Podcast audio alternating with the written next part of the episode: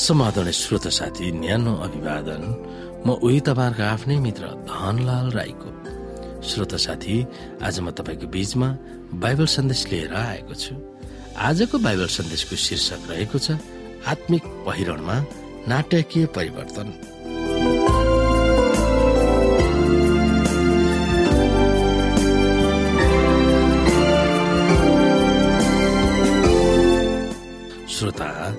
आफ्ना श्रोताहरूलाई आत्मिक परिवर्तनको कथा दोहोऱ्याएको सन्दर्भमा के मुख्य विषयवस्तु तिनीहरूलाई पावलले बुझाउन खोजेका थिए भनेर हामी यहाँनिर एफएसी चार अध्याय बिसदेखि चौबिसलाई हेर्न सक्छौ।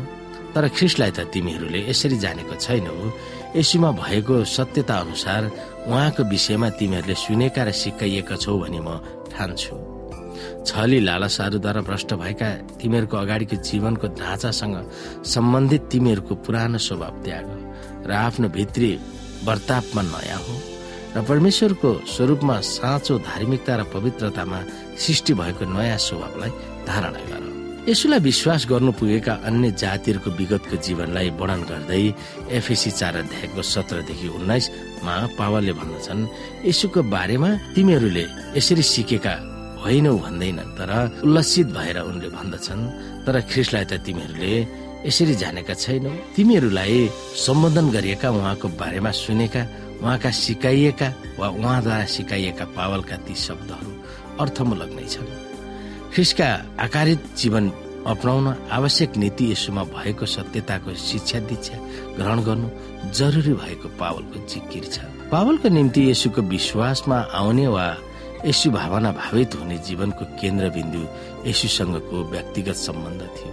अझ उनले जल्दो बल्दो रूपमा वास्तविक यसु भक्तको जीवन नै ख्रिसलाई सिकिरहनुमा आधारित हुनुपर्छ। हाम्रो जीवनमा यसुले हिजो के गर्नुभयो भन्ने कुरालाई मात्र सम्झिरहने होइन। आज वा वर्तमान समयमा नै हाम्रो जीवनलाई उहाँले के गरिरहनु भएको छ र सिकाइरहनु भएको छमा आधारित भइरहनु पर्दछ। यसो मृत्युबाट जीवित हुनुभयो। अहिले पनि जीवित हुनुहुन्छ र हाम्रो बीचमा र हामीमा हुनुहुन्छ भन्ने कुरालाई स्वीकार्दछौँ। उहाँका शिक्षाहरू उहाँका उदाहरण र उहाँ हाम्रो जीवित प्रभु हुनुहुन्छ भनेर देखाइरहने वफादारितामा हाम्रो जीवनको ढाँचा ढालिनु पर्दछ। उहाँको सक्रिय अगुवाईको निम्ति हाम्रा जीवनहरू खुल्ला राखिनु पर्दछ। उहाँका पवित्र आत्मा र उहाँको वचनको निर्देशनमा हाम्रो जीवन चल्नु पर्दछ।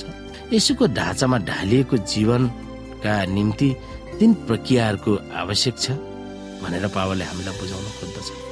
ती प्रक्रियाहरू हाम्रो लाउने लुगाको चित्रणमा आधारित छन्। एकमा भन्छन् फुकाला वा पुरानो जीवनको ढाँचालाई त्यागिदिनु पर्दछ वा इसाई हुँ भनेर दावी गरिसकेपछि पनि पहिलाकै स्वभावमा हिँड्नु हाम्रो दावीको बेज्जत हो। त्यसकारण हिजोको जीवनशैली छोड्नु पर्दछ।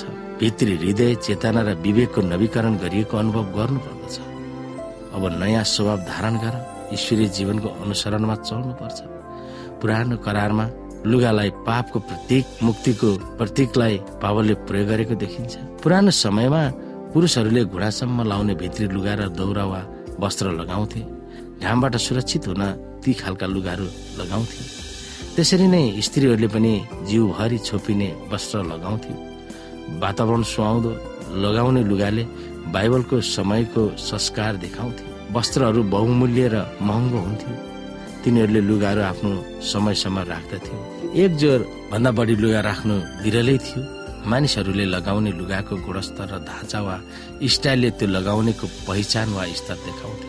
लगाउने लुगामा परिवर्तन गर्नु वा एक किसिमबाट अर्को किसिमको लुगा लगाउन असाधारण थियो वा महत्वपूर्ण घटना मानिन्थ्यो आजभोलि धेरै संस्कार वा चलन चल्तीमा विभिन्न खालको स्टाइलका लुगाहरू फेरि फेरि लगाउनु स्वाभाविक मान्दछन्। लगाउने वस्त्रको चित्रण पावलले वर्तमान युगको होइन तर प्रथम शताब्दीको सन्दर्भमा गरेका थिए। त्यसबेला मानिसहरूले एकै खालका लुगाहरू लगाउँथे। त्यो पनि सर्वसाधारणको एकजोर लुगा मात्र हुन्थ्यो ख्रिसको बारेमा जान्नु र ख्रिसलाई जान्न वा चिन्न सिक्नुमा के निर्णायक भिन्नता छ त्यही विषयमा हामी बुझ्न सक्छौँ।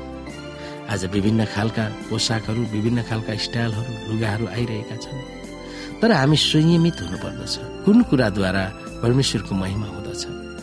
हामीले उच्छृङ्खल भएर विभिन्न ढाँचाका लुगा पोसाकहरू पहिरनहरू गयौँ भने मानिसहरूको जीवनमा नकारात्मक असर पर्दछ। र मानिसहरूको हाम्रो बोली व्यवहार भन्दा पनि ती लुगा पहिरनमा ध्यान जाने गर्दछ। त्यसले गर्दा समय सुहाउँदो र मानिसहरूले पच्ने खालको पहिरन धारण गर्नु हाम्रो निम्ति अति उत्तम हुँदछ। ताकि कुनै पनि पहिरनद्वारा पाप नआओस् र तीद्वारा हामी बच्न सकौँ भनेर हामी प्रार्थना साथ जीवन बिताउनु हाम्रो निम्ति असल हुन्छ।